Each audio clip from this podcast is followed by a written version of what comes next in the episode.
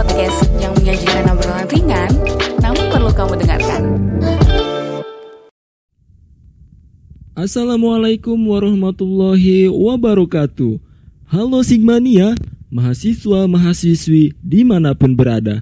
Apa kabarnya nih? Semoga kalian selalu dalam lindungan Allah Subhanahu wa Ta'ala ya. Amin. Senang sekali nih rasanya. Saya Ricky bakal nemenin kamu semua di podcast kali ini selama 30 menit ke depan dalam acara Rubik, Ruang Bicara Kita.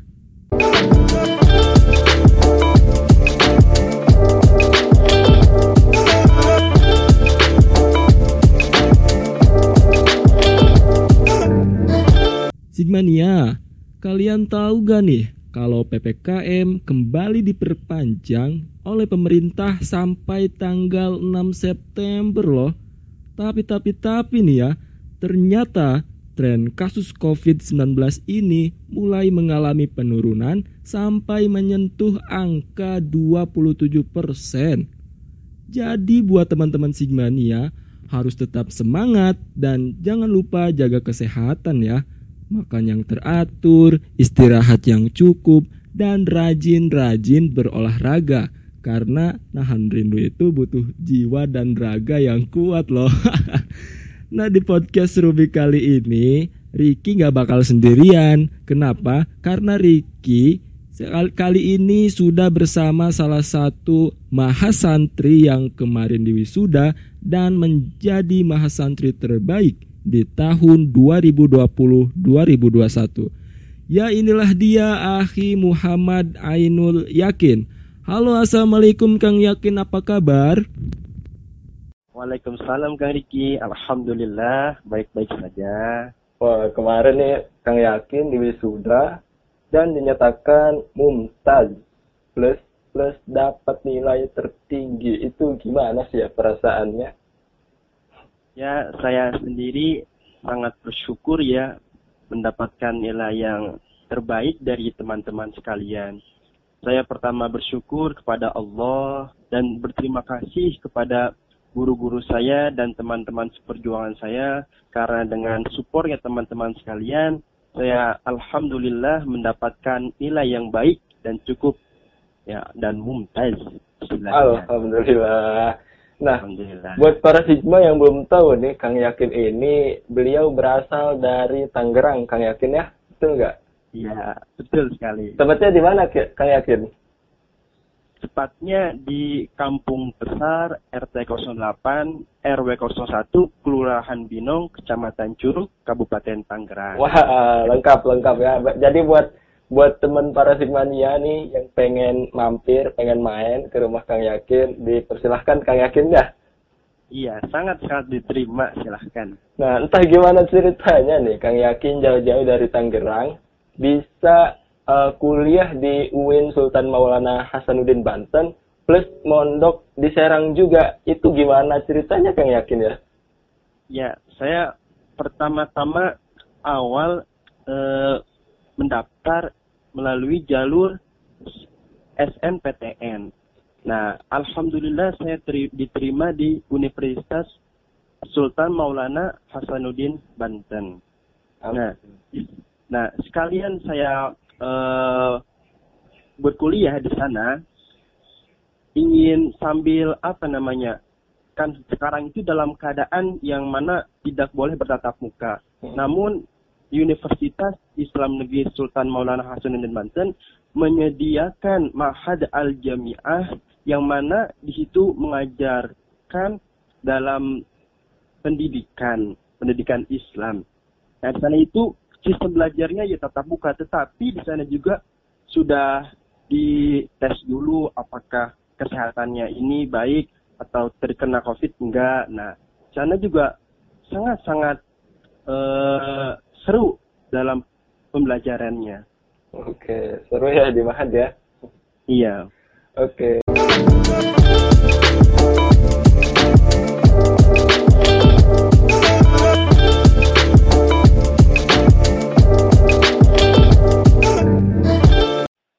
Nah, Sigmania, mungkin dari kalian udah bosen banget ya sama yang namanya kuliah online.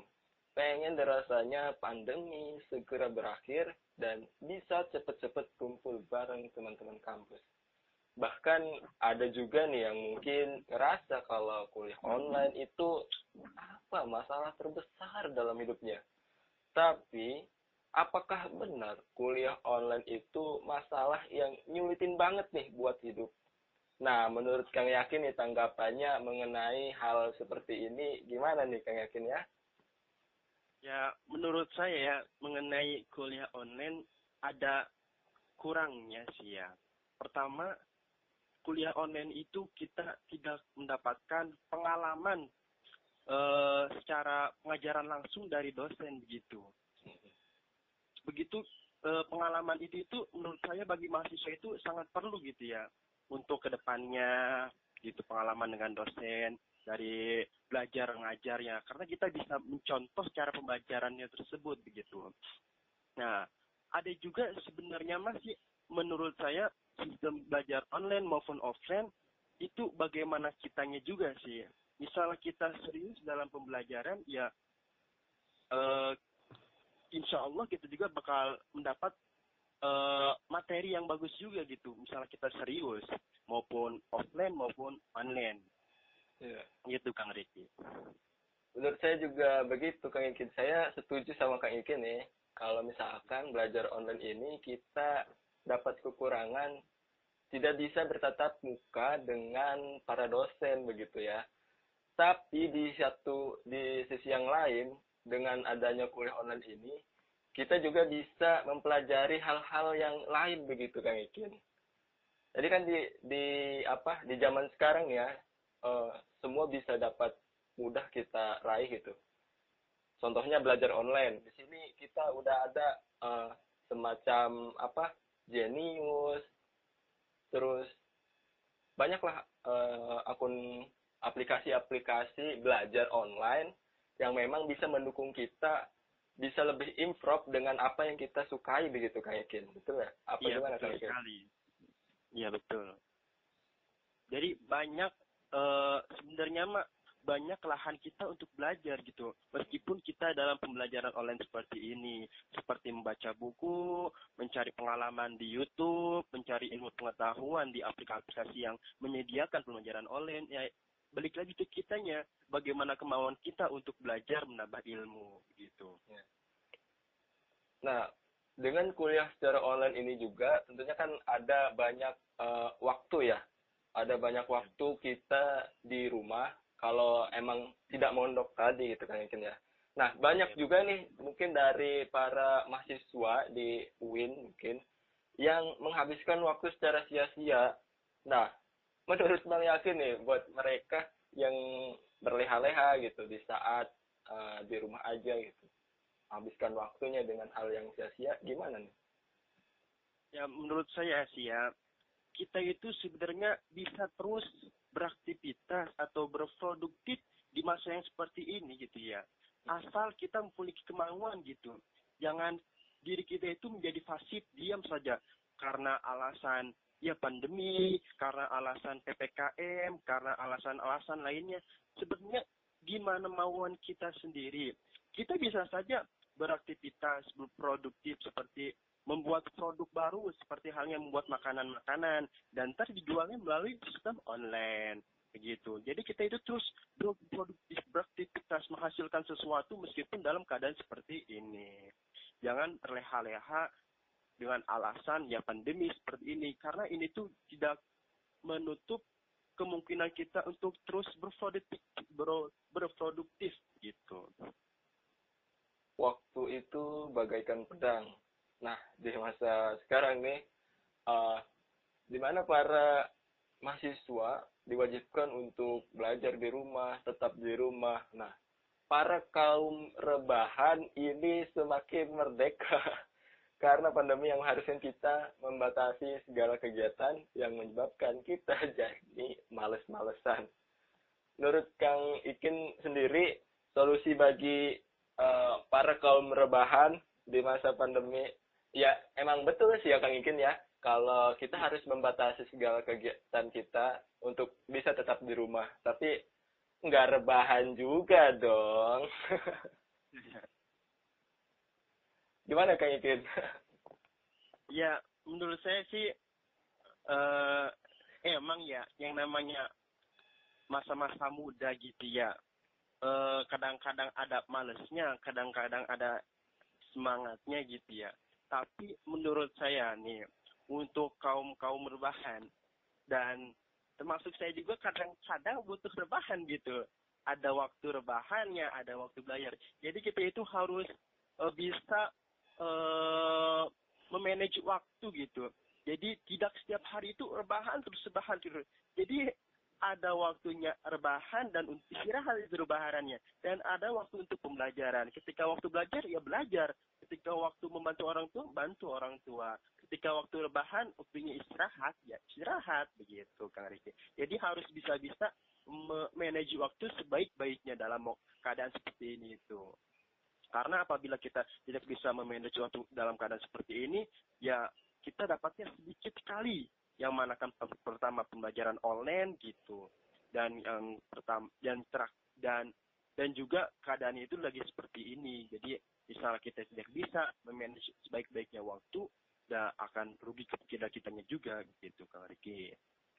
Oke, jadi uh, solusi terbaik adalah kita harus bisa pintar manage waktu gitu ya.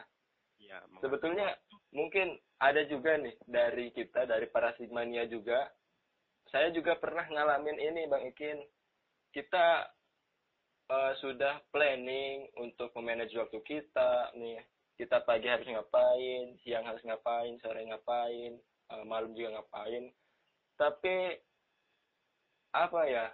Planning itu ujung-ujungnya tidak terlaksana gitu tuh biar biar kita bisa memenuhi target uh, planning manajemen waktu kita kita udah manage waktu nih tapi gagal karena rasa males cara paling ampuh buat ngelawan rasa males ini kang Ikin gimana ya menurut saya sih ya ketika kita ingin buat planning atau rencana misalnya kita ingin mengatur keseharian kita misalnya pagi mau ngapain siang mau ngapain sore mau ngapain malam mau ngapain itu silahkan buat aja dulu buat. Nah ketika kita membuat niatkan kita ingin melaksanakan planning tersebut apa yang kita rencanakan tersebut ya menurut saya sih itu tuh bagaimana kemauan kita sendiri dalam melaksanakan hal tersebut jadi bukan hanya sebatas rencana rencana rencana saja tapi harus ada kemauan untuk melaksanakan rencana tersebut begitu Kak Riki.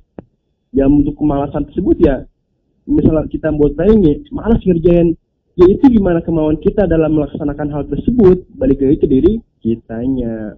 Tekadkan aja ini kita ingin um, merubah diri agar bisa diri kita itu teratur uh, terencana begitu agar tidak sia-sia harinya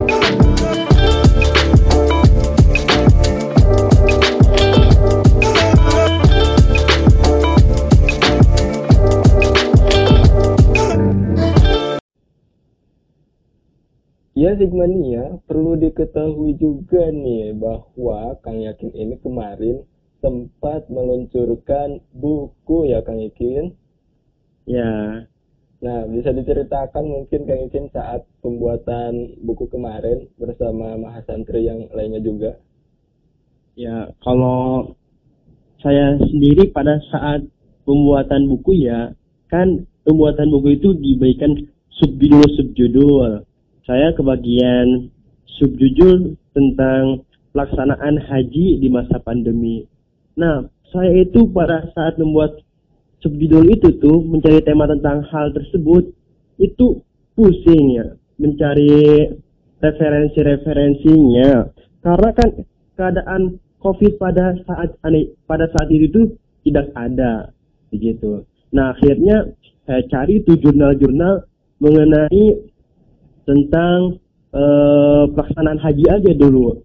Nah akhirnya ketemu pelaksanaan haji dan uh, apa namanya pelaksanaan haji yang dihentikan, di ditunda. Nah akhirnya saya mendapat tuh untuk referensi beberapa jurnal dan saya mengerjakan itu apa namanya dengan keseriusan karena ini adalah hasil karya akhir dari saya di Mahat Al Jamiah ini gitu. Banyak keseruan-keseruan lainnya. Ya, dalam dalam pembuatan buku ini juga eh, kemarin alhamdulillah nih ya, saya juga bisa ikut berpartisipasi nih, alhamdulillah. Walaupun di dalam buku itu catatan saya tuh dikit banget.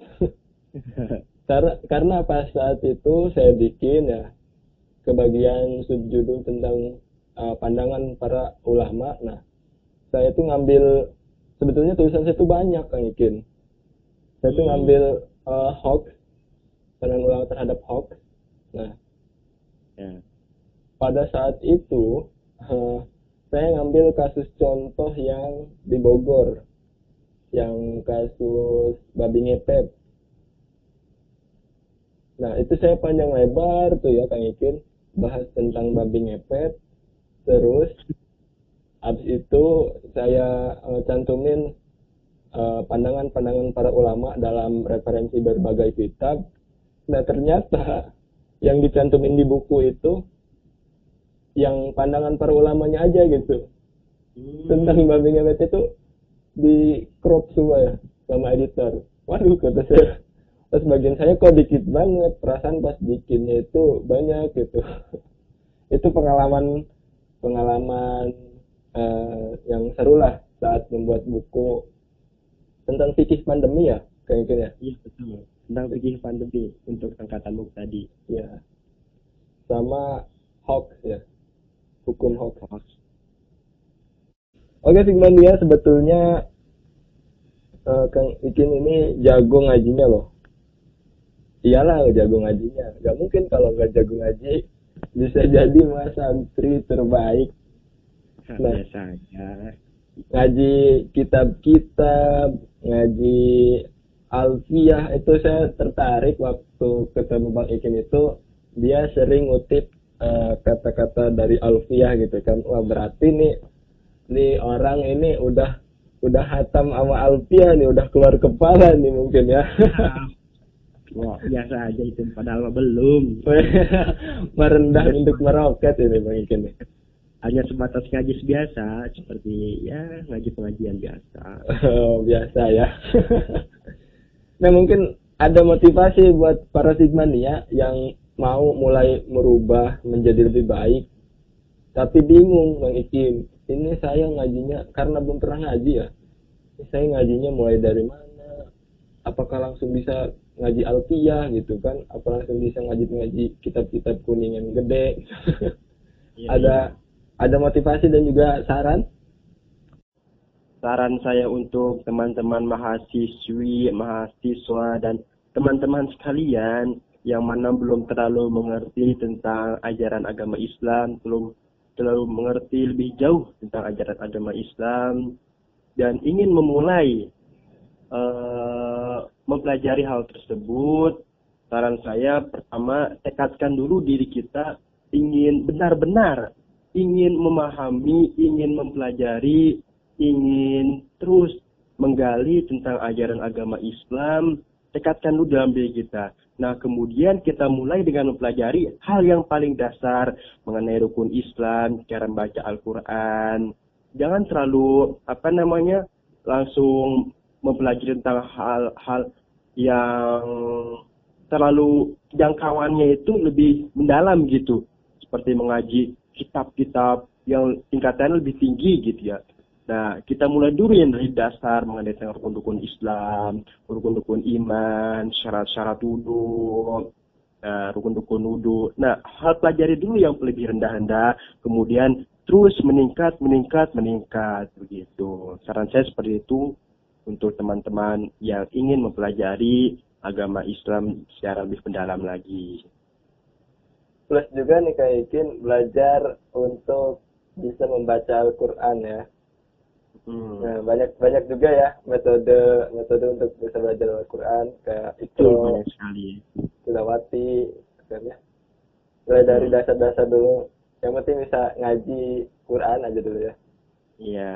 Nanti baru ke ke sananya ngaji kitab-kitab kuning yang lainnya. Hmm. Dasar-dasar aja dulu. juga nih ya, jangan sampai terlena dengan keadaan yang seperti ini. Mungkin dari kita banyak nih yang males-malesan buat ngabisin waktu di rumah dengan nonton drakor, main game, main game Mobile Legends, PUBG, Free Fire, dan lain sebagainya untuk ngisi waktu kosong sigmanya di rumah. Tapi tahu nggak sih, sebenarnya kita bisa isi waktu luang kita dengan hal-hal yang lebih produktif juga loh. Dan bahkan ada juga hal yang hanya bisa kita lakukan di masa pandemi kayak gini. Tahu nggak Bang Ikin? Ya, apa tuh? Nah, salah satunya adalah kita bisa ikut ikut webinar. Nah, di masa kayak gini banyak banget loh webinar-webinar yang bisa kita jumpai. Webinar ini menurutku tren yang benar-benar bagus ya. Kenapa? Karena ini hanya bisa terjadi di saat pandemi kayak gini aja. Mungkin webinar sebelum pandemi juga udah banyak ya Bang Ikin ya. Ya, Ya, banyak. Tapi untuk webinar yang beragam dan variasi hanya bisa kita temui di masa-masa sekarang. Banyak banget institusi-institusi dari pemerintah maupun swasta yang mengadakan webinar secara gratis. Jadi kita hanya perlu menyiapkan kuota untuk nantinya bergabung ke webinar lewat Zoom. Karena lewat Zoom juga bisa kita berhemat. Jadi kan biasanya kita tuh kalau ikut seminar itu kan harus keluarin ongkos buat ke tempat seminar gitu kan. Tapi untuk sekarang nih teman-teman bisa ikut webinar yang notabene hampir sama dengan seminar walaupun eh, suasananya beda ya karena di rumah. Tapi itu bisa menghemat banget loh dan juga bisa jadi hal yang produktif bisa mengisi waktu luang kosong ketika emang eh, tugas kuliah online sudah selesai terus gabut pengen ngapain ya? Teman-teman bisa buka aja aplikasi-aplikasi yang memang menyediakan eh, webinar-webinar online. Contohnya kayak sejuta cita ID dan lain sebagainya. Di Instagram Instagram juga banyak ya. Nah buat Bang Ike nih untuk ngisi eh, apa solusi terbaik buat selalu produktif di masa kuliah online ini gimana Bang Ike? Ya untuk tetap produktif di masa pandemi ini saran saya pertama saran untuk saya dan untuk teman-teman lainnya saya sarankan sih pertama kan kita sebagai mahasiswa mahasiswi kekurangan pengalaman belajar mengajar bersama dosen. Saya sarankan untuk masuk pesantren yang yang mana pesantren tersebut itu sesuai dengan eh, protokol kesehatan untuk memasukinya. Harus setelah step eh, tes swab dan eh, tidak terkena penyakit atau gangguan-gangguan lainnya begitu. Jadi agar kita terus beraktivitas berproduktif di masa pandemi ini. Buat Bang Ikin eh, kriteria pesantren yang cocok untuk mahasiswa itu seperti apa sih? Karena mungkin ada ya orang yang pengen masuk eh, pesantren Hmm. tapi ah kan aku ini lagi kuliah gitu kan begitu. Iya. Gimana tanggapan? Nah, untuk tempat pesantren ya, kan dan gini ya, kebanyakan mahasiswa-mahasiswa sekarang itu eh, sambil mengisi waktu luang tempat tinggal, lah, tempat tinggal bari kuliahnya itu kebanyakan di kos. Kan di kos itu nggak ada apa namanya, ibaratkan tidak berproduktif gitu. Pasif lah kita di kos itu nggak ada yang ngatur, nggak ada yang apa. Nah, salah satu pesantren yang menurut saya recommended banget sih untuk mahasiswa mahasiswa mahasiswa sekarang ini nih itu salah satunya yang saya tinggali sekarang juga itu Ma'had Al Jami'ah UIN Sultan Maulana Hasanuddin Banten. Sana itu pengajarannya sangat memuaskan dan dosen-dosen pengajarnya dan asatid-asatid pengajarnya sangat memuaskan, ramah-ramah, teman-temannya juga ramah. Di sana juga sesuai dengan protokol kesehatan dan juga di sana itu waktu pembelajarannya itu tidak berlawanan dengan waktu pembelajaran kuliah. Jadi pesan mahadinya itu atau pesantrennya itu mendukung kita untuk berkuliah dan saling mendukunglah satu sama lain antara kita dan mahadnya tersebut. Jadi kitanya juga itu nggak ada tertekan gitu. ah ada tugas kuliah ini harus ngaji gitu jadi pesantrennya itu saling mendukung satu sama lain nah pesantren yang mana itu menurut saya nah itulah Mahad Al Jamiah Sultan Maulana Hasanuddin Banten Nah untuk pesantren khusus mahasiswa di sekitaran UIN Sultan Maulana Hasanuddin Banten ini mungkin cukup banyak ya Bang Ikin ya. Salah satunya yang paling resmi ya Mahad Al Jamiah karena punya UIN sendiri gitu kan. iya Nah, betul, betul. Tapi ada juga nih Bang Ikin eh, pesantren-pesantren mahasiswa yang memang banyak santrinya itu yang berkuliah di UIN Sultan Maulana Hasanuddin ya. Salah satunya contohnya seperti pondok pesantren atau Hiria atau Bronia atau yang dekat dengan kampus 2 di wilayah Curug itu ada pondok Rodatul Alawiyah ya. Iya, iya. Jadi sebetulnya kalau pengen ngesantren sambil ngampus itu bisa-bisa aja mungkin ya. betul bisa sekali Tergantung daripada niat si mahasiswanya itu sendiri.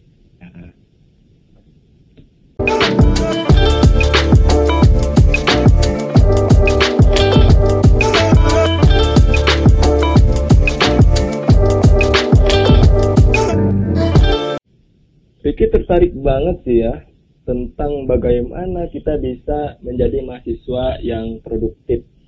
Ya dengan cara masuk ke pondok pesantren yang kata Ikin tadi, pondok pesantren yang memang bisa memahami keadaan mahasiswa. Terus ada juga cara lain nih Kang Ikin adalah dengan cara aktif berorganisasi nih ya. Jadi kalau kalau teman-teman semua apa ketika masuk kampus terus aktif berorganisasi itu bisa menjadi hal yang produktif. Atau aktif ikut seminar dan les online. Ya pokoknya banyak lah ya jalan untuk banyak jalan menuju Roma bukan bukan. Pokoknya banyak jalan untuk bisa tetap produktif walaupun di masa pandemi kayak seperti sekarang nih. Kalau teman-teman juga pengen aktif nih kayak kayak ya saya emang nggak terlalu aktif tapi nggak terlalu rebahan banget lah ya. Bisa ikut LPM Sigma jadi bisa ikut jadi bisa bikin podcast kayak gini gitu kan. Walaupun di masa pandemi nih kang itu ya kita bikin podcast di rumah masing-masing. Dan ini menjadi hal yang positif gitu. Kenapa? Karena bisa menghabiskan waktu dengan hal yang produktif. Betul bang Ikin ya? Betul betul Ya. Nah, Kang Ikin ada yang mau disampaikan buat para mahasiswa yang masih mageran aja, lebih menghabiskan udahlah ngapain mondok, ngapain aktif organisasi, ngapain sih, gitu kan. Ada ini enggak ada eh, apa yang ingin disampaikan kepada para mereka yang lalu menghabiskan waktunya dengan hal yang tidak produktif. ya untuk sarannya untuk teman-teman ya. Juga mengacu kepada diri diri saya sendiri. Pertama harus mempunyai rasa bahwa kita itu harus sukses harus berbeda dengan orang-orang lainnya. Masa diri kita ingin seperti seperti ini saja gitu. Rebahan rebahan rebahan aja kapan kita ingin bergerak gitu? Jadi kita itu harus mempunyai planning untuk masa depan rencana untuk masa depan seperti apa misalnya kita terus mageran-mageran tidak membawa planning, tidak punya rencana untuk masa depan, ya akan menerima resikonya sendiri nanti. Begitu sih untuk teman-teman sekalian. Waktu itu eh, bagaikan pedang mungkin ya. Iya, Jika kita bisa menggunakan waktu ini dengan sebaik-baiknya, pedang ini bisa menjadi salah satu senjata terbaik kita ya. Tapi jika kita eh, tidak bisa memanfaatkan waktu dengan sebaik-baiknya, maka waktu ini juga bisa senjata makan tuan gitu, senjata yang bisa menghancurkan kita. Kurang lebih seperti itu ya. Udah gak kerasa banget nih eh, kita udah hampir beberapa menit, udah cukup lama menemani teman-teman semua. Pokoknya buat kalian semua para Sigmania tetap semangat, jangan banyak-banyak mengeluh sana sini tapi nggak berbuat apa-apa ya. pokoknya jangan terlalu fokus untuk mengeluh terhadap pandemi. Jangan terlalu fokus untuk mengeluh karena disuruh di rumah aja dan lain sebagainya. Karena untuk bisa menjadi seorang yang produktif itu banyak jalannya gitu. Ingat waktu terus berjalan dan harus tetap produktif. Semangat semangat semangat! Nah, terakhir nih untuk para Sigmania, jangan lupa kalian untuk follow akun sosial media LPM Sigma ya. Di Instagram, Facebook, website, maupun di Spotify LPM Sigma ini. Untuk mendapatkan informasi terup to date dan menarik lainnya dari LPM Sigma. Jangan lupa kalian follow ya, awas kalau gak di follow. Untuk itu saya Riki mohon pamit undur diri. Terima kasih atas waktunya. Terima kasih untuk mendengarkan podcast pada kali ini. Wassalamualaikum warahmatullahi wabarakatuh.